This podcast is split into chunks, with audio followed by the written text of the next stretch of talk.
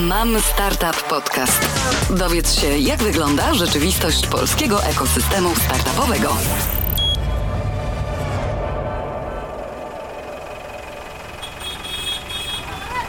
Miasto to miejsce, w którym lubimy żyć.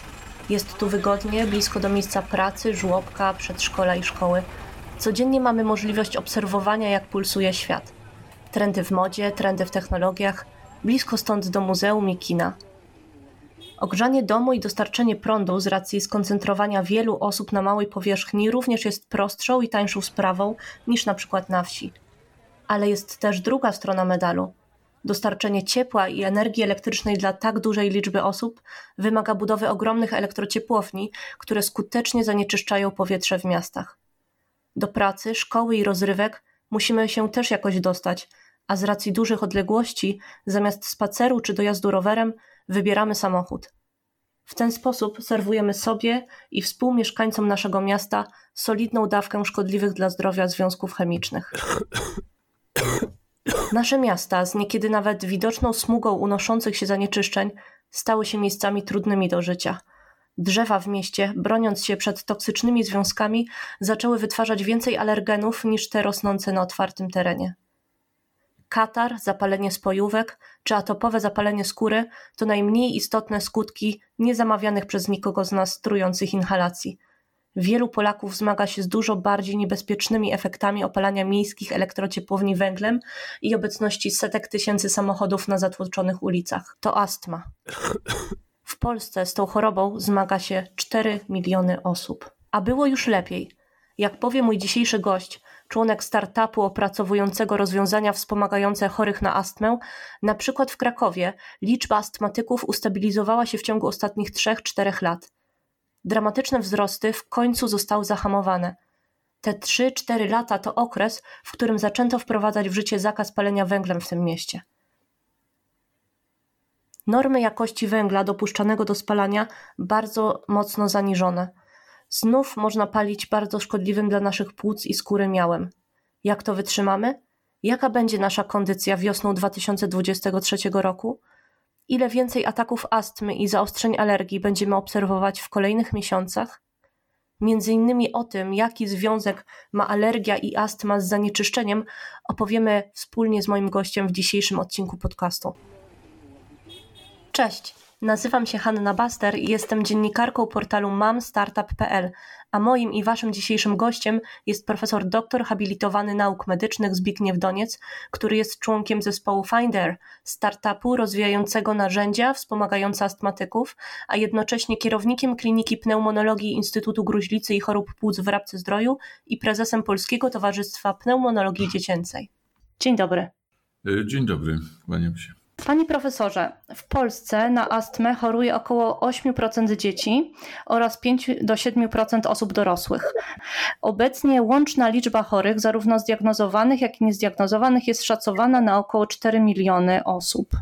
E, dla mnie to są takie porażające liczby, więc e, zastanawiam się, jak dużej części z tych 4 milionów e, osób astma utrudnia codzienne funkcjonowanie. Czy to choroba, z którą trudno żyć?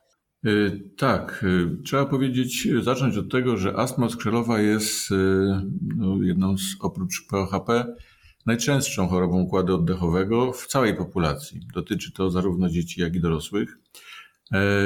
To jest choroba złożona, to znaczy ma tak zwaną etiologię wieloczynnikową, czyli rozwój tej choroby zależy zarówno od czynników genetycznych, ale też od czynników środowiskowych.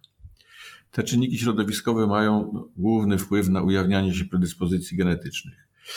Y, kto choruje na astmę? Objawy są dosyć charakterystyczne, bo y, jest to taki kaszel, który nawraca, na przykład w nocy y, albo po wysiłku fizycznym. Jest to, są to uczucia takiego ucisku w klatce piersiowej, pojawiają się świsty, a jak już jest duszność, to możemy powiedzieć, że jest to już taka czerwona flaga. E, te objawy pojawiają się z różnych przyczyn. To może być narażenie na alergeny, mogą to być zanieczyszczenia powietrza, a nawet stres. E, choroba zaczyna się w dzieciństwie i stanowi duże obciążenie dla mm, pacjenta, dla chorego, dla jego rodziny, ale też i dla całego systemu ochrony zdrowia. To jest poważny problem zdrowotny, społeczny i ekonomiczny. E, I y, trzeba powiedzieć, że objawy choroby mogą w istotny sposób rzutować na, na dzień codzienny. E, szacuje się, że e, z powodu tej choroby na całym świecie umiera co roku ćwierć miliona osób co no, jest bardzo poważnym takim e, wyzwaniem. To też wa warto właśnie podkreślić, bo myślę, że tak um, ogólnie jak myślimy sobie o astmie, e, to wiemy, że to jest e, niedogodność, może nawet choroba, ale pewnie niewiele z osób z nas wie, że na astmę można umrzeć. A tutaj te liczby no, naprawdę zastanawiają i sprawiają, że powinniśmy właśnie pomyśleć, co można zrobić, żeby ograniczyć e, tę zachorowalność? Proszę powiedzieć jeszcze, mm, właśnie jeżeli mówimy tutaj e, o tej liczbie zgonów i o tym takim poważnym przebiegu, czy ma Pan może jakieś dane, orientuje się, jaka część osób, które chorują, to są właśnie te osoby z tym takim ciężkim przebiegiem? E, w Polsce wykonywano takie badania. To jest e, badanie z ostatniego roku, e, nazywa się Astma Zero, gdzie oceniono, że wśród wszystkich chorych całej populacji około 30% choruje na tak zwaną astmę niekontrolowaną. Co to znaczy niekontrolowana? Czyli mhm. objawy duszności, kaszlu, świszczącego oddechu, to, że nie można, że się człowiek, że chory budzi się w nocy, że ma e, ograniczoną tolerancję wysiłku fizycznego, czyli po przebiegnięciu 10, powiedzmy tam 20 kroków e, zaczyna mieć duszność, to dotyczy no, około 30%. Jeżeli e, zważymy, jak wielka jest to populacja w Polsce, to liczby tutaj no, są, powiedziałbym, alarmujące. Czyli tak naprawdę jest rzeczywiście, jest rzeczywiście tutaj no, sporo do zastanawiania się nad tym problemem. Mhm. E, tutaj Pan powiedział o tym, że na przykład e, takie osoby, które e, no już mają ten cięższy przebieg choroby, to te, które na, na przykład nie mogą przebiec spokojnie, bo już bierze je zadyszka. Co jeszcze powinno być dla nas takim sygnałem alarmowym? Wskazującym na to, że to może być astma. No i co wtedy powinniśmy zrobić? Tak, to jest y, z jednej strony bardzo y, proste pytanie, a z drugiej strony wiąże się z y, faktem, no, o którym trzeba powiedzieć, że w Polsce od ujawnienia się objawów astmy do pierwszych takich syndromów, czyli takich objawów, które możemy uznać za potencjalnie objawami astmy, do postawienia rozpoznania mija średnio 7 lat. Dlaczego jest to tak okres, długo? w którym dochodzi. Właśnie, można się zastanowić, dlaczego tak długo. Dlatego, że e, ta choroba ma e, wiele różnych takich masek klinicznych, na przykład nawracające zakażenia układu oddechowego. No więc mamy infekcję, kaszlemy, mamy świszczący oddech. E, to się powtarza, no bo akurat wydaje nam się, że no, taka pogoda jest, może akurat zanieczyszczenia powietrza są większe. Właśnie, zanieczyszczenie powietrza to też e, wtedy często kaszlemy, prawda? W zimie, jak jest smog, e, tak. dużo tego wisi w powietrzu, to może nas zmylić. Tak, i to no, ma swoje konsekwencje, że jest taki, powiedziałbym, długi okres od podejrzanych pierwszych objawów, czy takich powiedzmy przepowiadających, czy wskazujących do właściwego leczenia.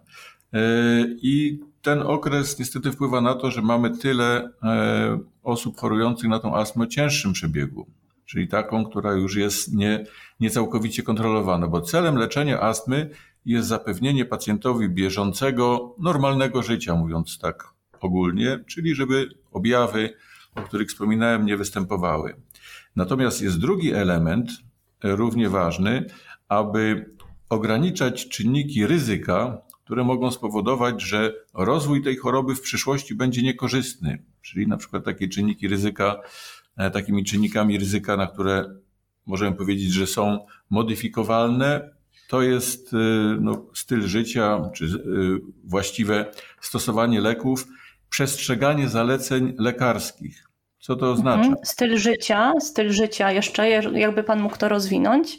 Styl życia. No, to znaczy, nasza codzienna aktywność, środowisko, w którym żyjemy, ma na nas bardzo duży wpływ. Jesteśmy no, częścią tego, nazwijmy, ekosystemu. I tutaj, no, jeżeli wrócimy do zanieczyszczeń powietrza, które nam towarzyszą, tak trzeba sobie powiedzieć, to no, taki sposób, powiedzmy, codziennej aktywności, który tego nie uwzględnia, jeżeli astmatyk tego nie uwzględnia, no, wiąże się z to określonymi e, konsekwencjami. Może tak bardziej konkretnie, żeby, żeby było wiadomo mhm.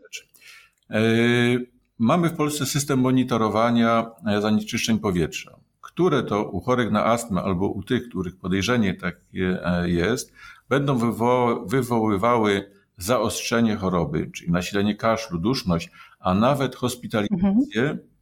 no, niebezpieczeństwo hospitalizacji z leczeniem sterydami ogólnymi, a nawet już w postaciach e, u, u osób, które mają tak zwaną wielochorobowość, czyli chorują na różne choroby układu krążenia, e, przewlekłe, astmę, to jest to również związane z e, ryzykiem zgonu. I teraz mamy rozwiązanie technologiczne, o którym tutaj e, muszę powiedzieć jako o ważnym elemencie, a mianowicie e, ten system telemedyczny e, Find Air, który, którym pacjenci mogą się posługiwać, oprócz tego, że sprawdza niejako, czy przestrzegają zalecenia lekarskie, co jest niezwykle istotne, bo powiem, że no niestety badania wskazują, że po roku od rozpoczęcia leczenia 90% leczonych praktycznie rzecz biorąc, no, y, rezygnuje z leczenia.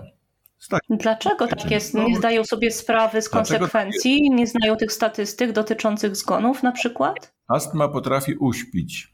To znaczy, jeżeli jest okres długi, kiedy nic się nie dzieje, no można uznać, że to leczenie to codzienne, bo jest to od razu powiem leczenie codzienne. Rano i wieczorem, czy rano i po południu trzeba systematycznie stosować lek zapobiegający występowaniu objawów astmy. Jeżeli tak nie jest, no to wówczas e, to, powiem, to pozorny, nazwijmy to stan zdrowia, może spowodować, że e, pacjent przestaje stosować leki. Z czym się to wiąże? Że będzie się leczył doraźnie, ratunkowo. No, lek ratunkowy rozszerza oskrzela, daje chwilową ulgę, ale to jest z kolei właśnie jeden z czynników ryzyka niekorzystnego rozwoju choroby, czyli znowu zwiększa się niebezpieczeństwo nagłego i ciężkiego e, zachorowania. No i, I, tutaj mamy Państwa rozwiązanie. Mhm. Mamy Państwa rozwiązanie Finder. Proszę powiedzieć, bo no właśnie, z jednej strony mówimy o tym, że e, to rozwiązanie e, pomaga astmatykom mm, w takiej codziennej kontroli, monitorowaniu, ale też przeczytałam, że mm, to Państwa urządzenie e, jest w stanie prognozować zaostrzenie się choroby. I chciałam zapytać, e, jakie dane bierze pod uwagę Wasze rozwiązanie, bo tak sobie myślę, że wtedy taki, taka osoba chorująca no może na przykład uniknąć zwiększenia dawek leków, jeżeli będzie wiedziała, czego unikać, prawda? Ten system potrafi, potrafi monitorować stężenia zanieczyszczeń w okolicy pacjenta. Specjalny system GPS to lokalizuje, dane przesyła, czyli y, no, potrafimy modyfikować swoje zachowania. Wiem, że dzisiaj jest wysokie stężenie, przykład benzopirenu, bo w okolicy palą węglem zanieczyszczonym, czyli jest dwutlenek siarki, e, który będzie dawał tutaj e, no, określone efekty.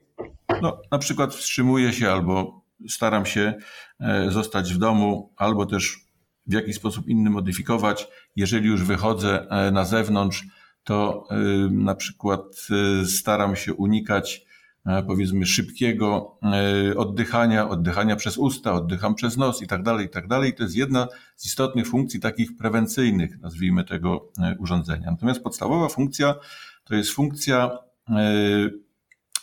monitorowania leczenia, ponieważ y, ma to podstawowe znaczenie dla lekarza. Dlaczego podstawowe znaczenie? Bo lekarz otrzymuje bieżącą informację, y, która pozwala mu ewentualnie zmodyfikować leczenie. No, wyobraźmy sobie, kiedy mhm. takiego systemu nie ma, przychodzi powiedzmy Jan Kowalski do pana doktora i pan doktor pyta, jak się pan czuje, panie Kowalski? No więc odpowiedź jest krótka, dobrze albo niedobrze, ale tak naprawdę nie ma to, nie ma takich powiedzmy obiektywnych informacji, które by pozwoliły powiedzieć, że możesz się czuć niedobrze, dlatego że no, nie stosowałeś leków.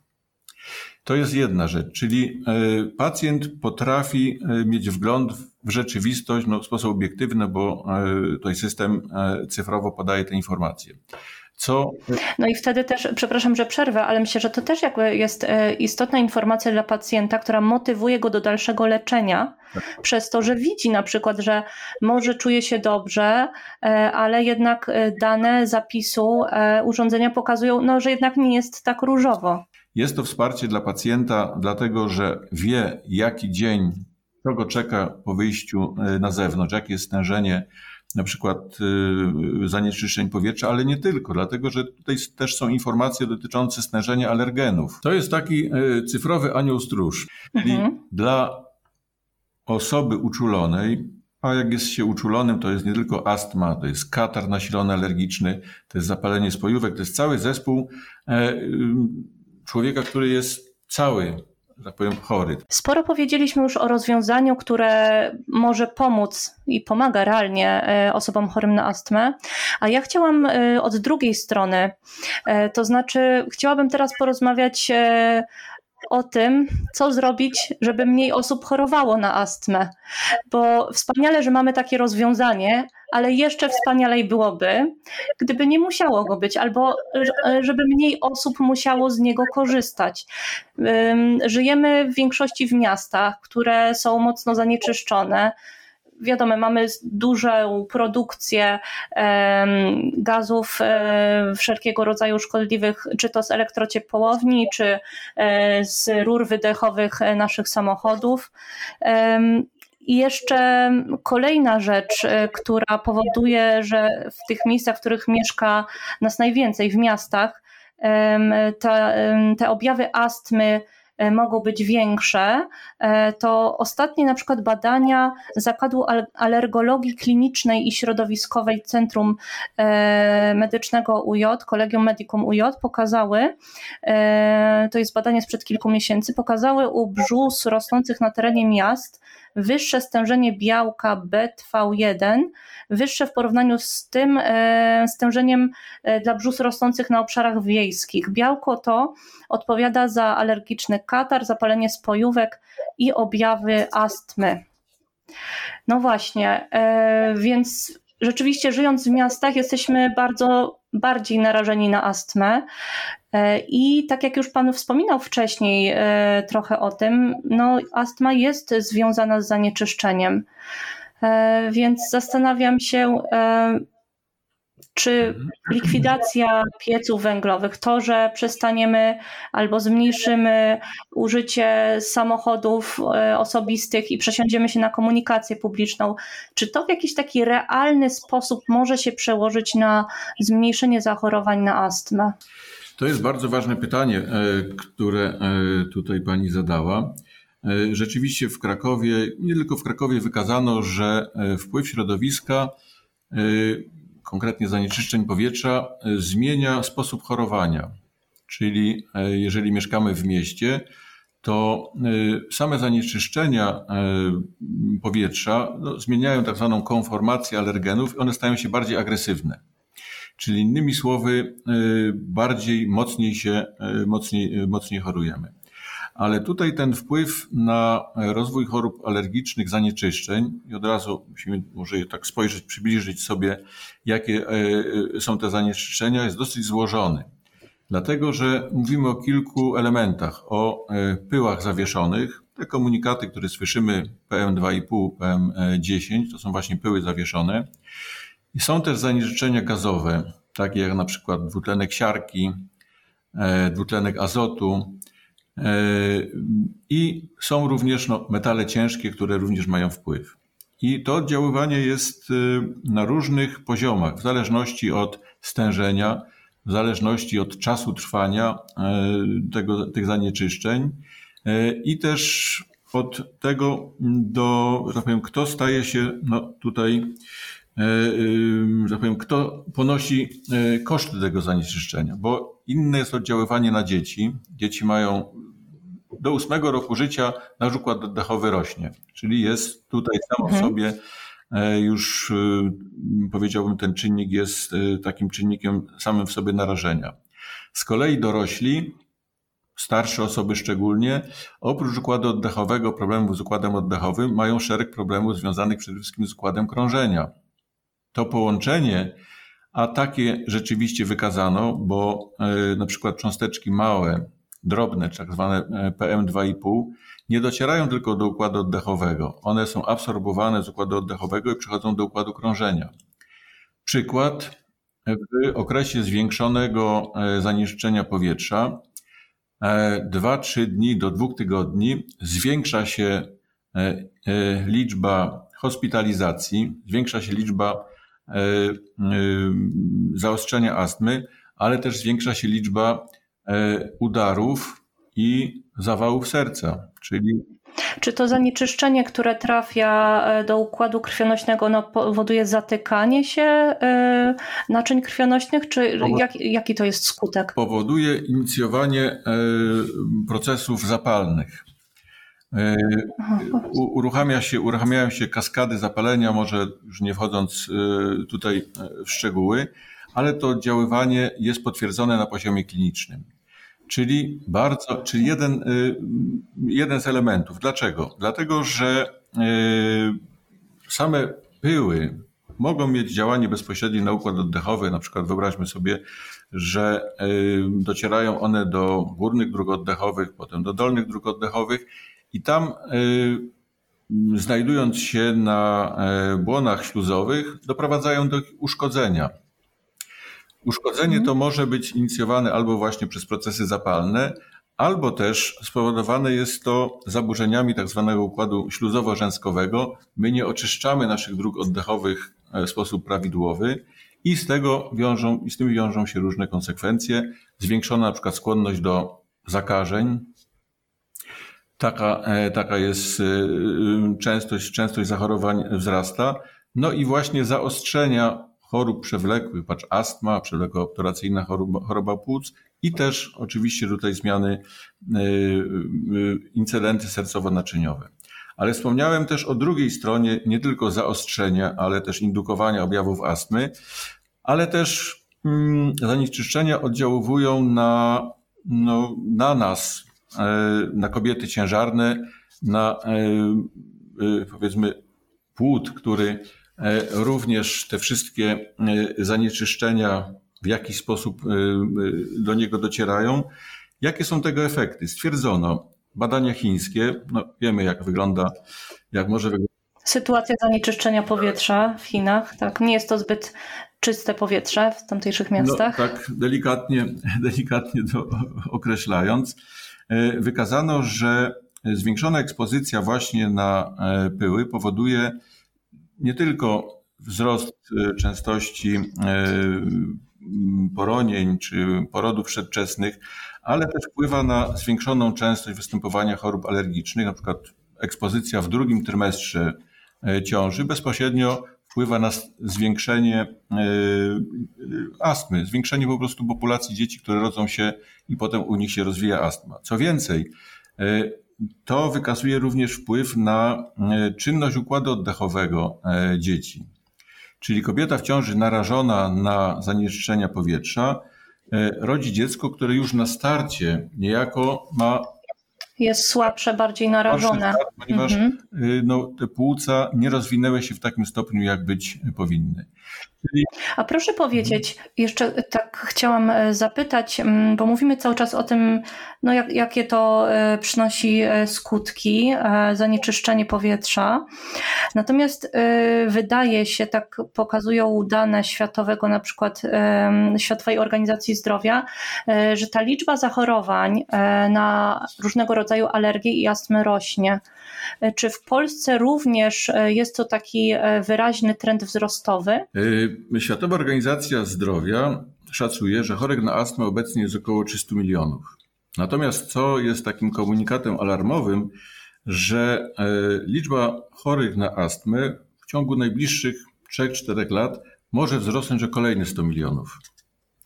I to jest no, informacja, powiedziałbym, bardzo niekorzystna, ale też to znaczy, ja tak y, od razu przepraszam, że przerwę, bo tak jak, ktoś z naszych słuchaczy to usłyszy, to powie sobie, no okej, okay, rozumiem, Indie się uprzemysławiają, y, w Chinach wiadomo jaka jest sytuacja, inne kraje mm, Azji Południowo-Wschodniej, no tam wszędzie pewnie będzie coraz więcej ludzi chorych na astmę, no bo kraje się uprzemysławiają, więc jest coraz więcej zanieczyszczeń. Natomiast właśnie jak to jest u nas w Polsce. No więc u nas w Polsce możemy powiedzieć, że ten trend wzrostowy e, częstości zachorowań na astmę w ostatnich trzech latach, tak już to potwierdzono, został zahamowany.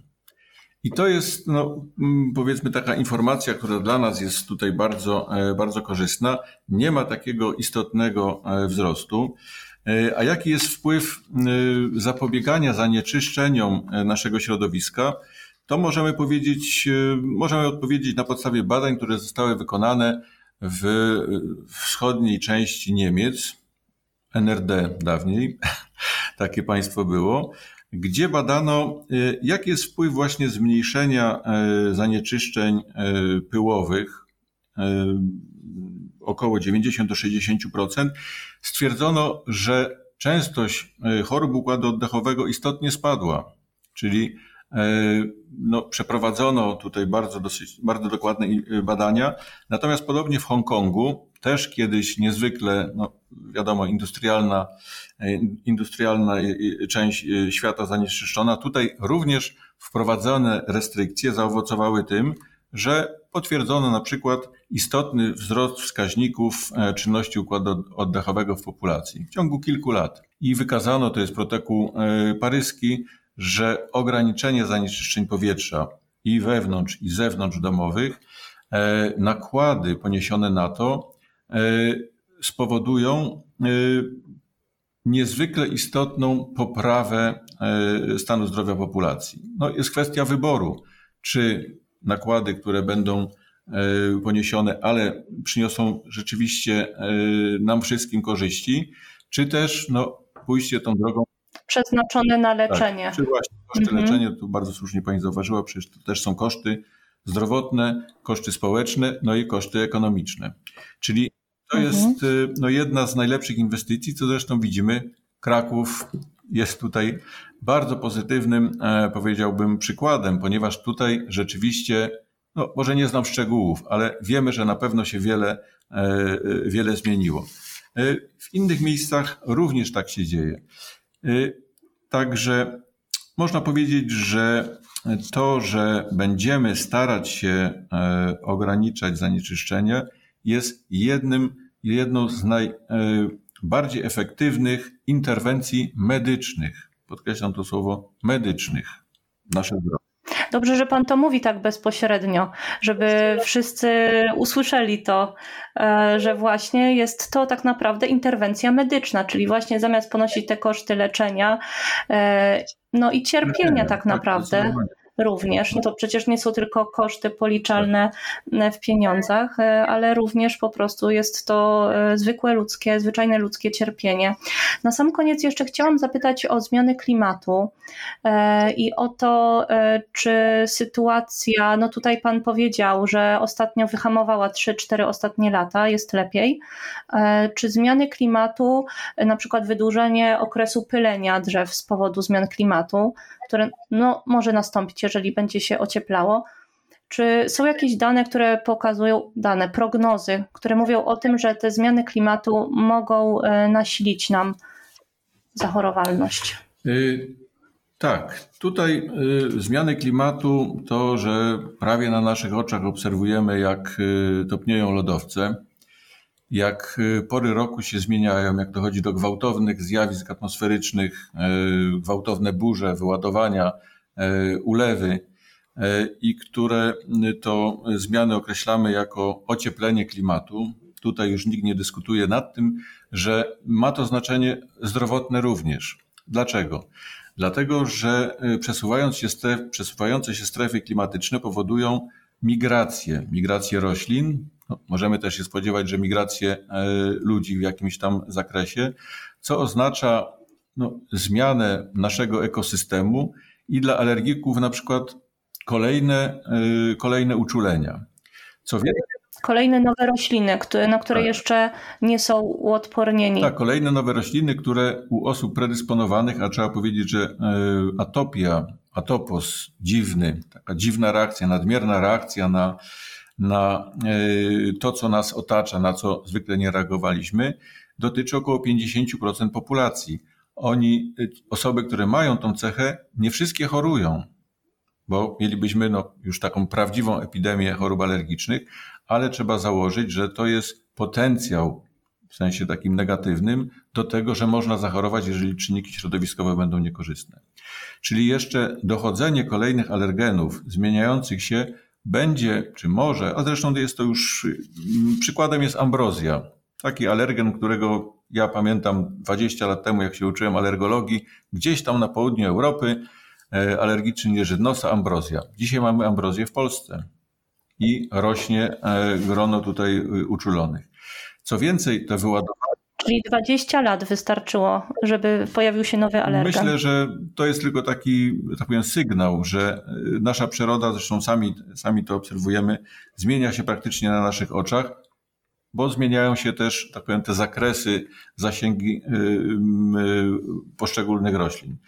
Same Y, zmiany warunków pogodowych, te gwałtowne wyładowania, e, silne ulewy powodują zwiększone nawodnienie, uwodnienie na przykład alergenów e, pyłków, no, wspomniana brzoza, czy też y, powiedzmy trawy, no, które są wszechobecne, co też zmienia ich alergenowość, patrz, stają się bardziej e, agresywne, mówiąc tak ogólnie. Czyli mamy więcej ciężkich przypadków zaostrzeń, na przykład nieżytu nosa, alergicznego zapalenia e, spojówek. No, wyobraźmy sobie rano, budzimy się, mamy oczy, no, nie widzimy nic. Dlaczego? Dlatego, że no, pylenie jest tak nasilone, że e, e, praktycznie ta reakcja jest niezwykle trudna, nawet farmakologicznie do zablokowania. Także te badania pani profesor Czarnobilskiej, o których pani wspomniała, no, są takim, powiedziałbym, sygnałem tego, co e, się dzieje i co dotyczy także e, ocieplenia klimatu.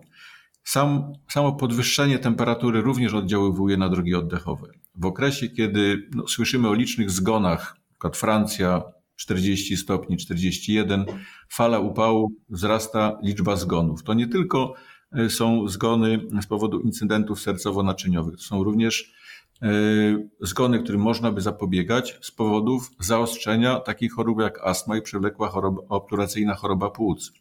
Te czynniki jak temperatura, zmiany gwałtowne ciśnienia, bo przecież gwałtownym tutaj tym zjawiskom pogodowym. Wyładowania atmosferyczne. Wyładowania atmosferyczne, to wszystko wpływa na osoby predysponowane i te, które już chorują, na pewno dla nich jest to olbrzymie wyzwanie, a dla tych, którzy e, mogliby nie zachorować, no powiedzmy, mm, jest, są pewne e, elementy, które e, możemy uznać za takie, które tolerujemy i takie, które wyzwalają te reakcje.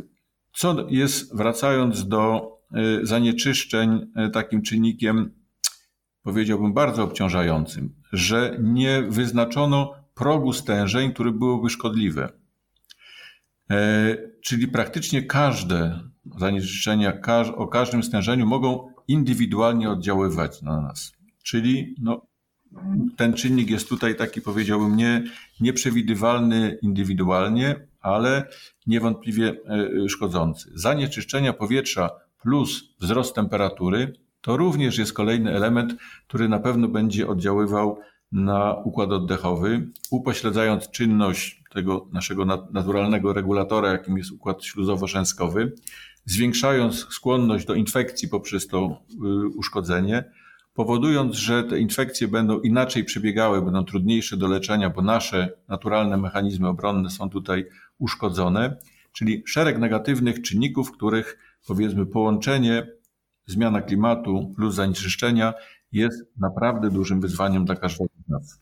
Miejmy nadzieję w takim razie, że uda nam się e, przerwać ten taki łańcuch, e, połączenie zanieczyszczeń plus zmiana klimatu, y, to znaczy, że uda nam się w naszych miastach wprowadzić e, takie działania, które pozwolą na zmniejszenie tego zanieczyszczenia, tak że za kilka lat no, nie będziemy musieli zmagać się e, z jeszcze większym e, problemem. Dziękuję panu bardzo za rozmowę. Naszym gościem był profesor doktor habilitowany nauk medycznych Zbigniew Doniec, członek zespołu startupu Finder. Dziękuję serdecznie. Bardzo dziękuję. Dziękuję. Sprawdź inne odcinki Mam Startup Podcast na Spotify, YouTube, Apple Podcast i Google Podcast.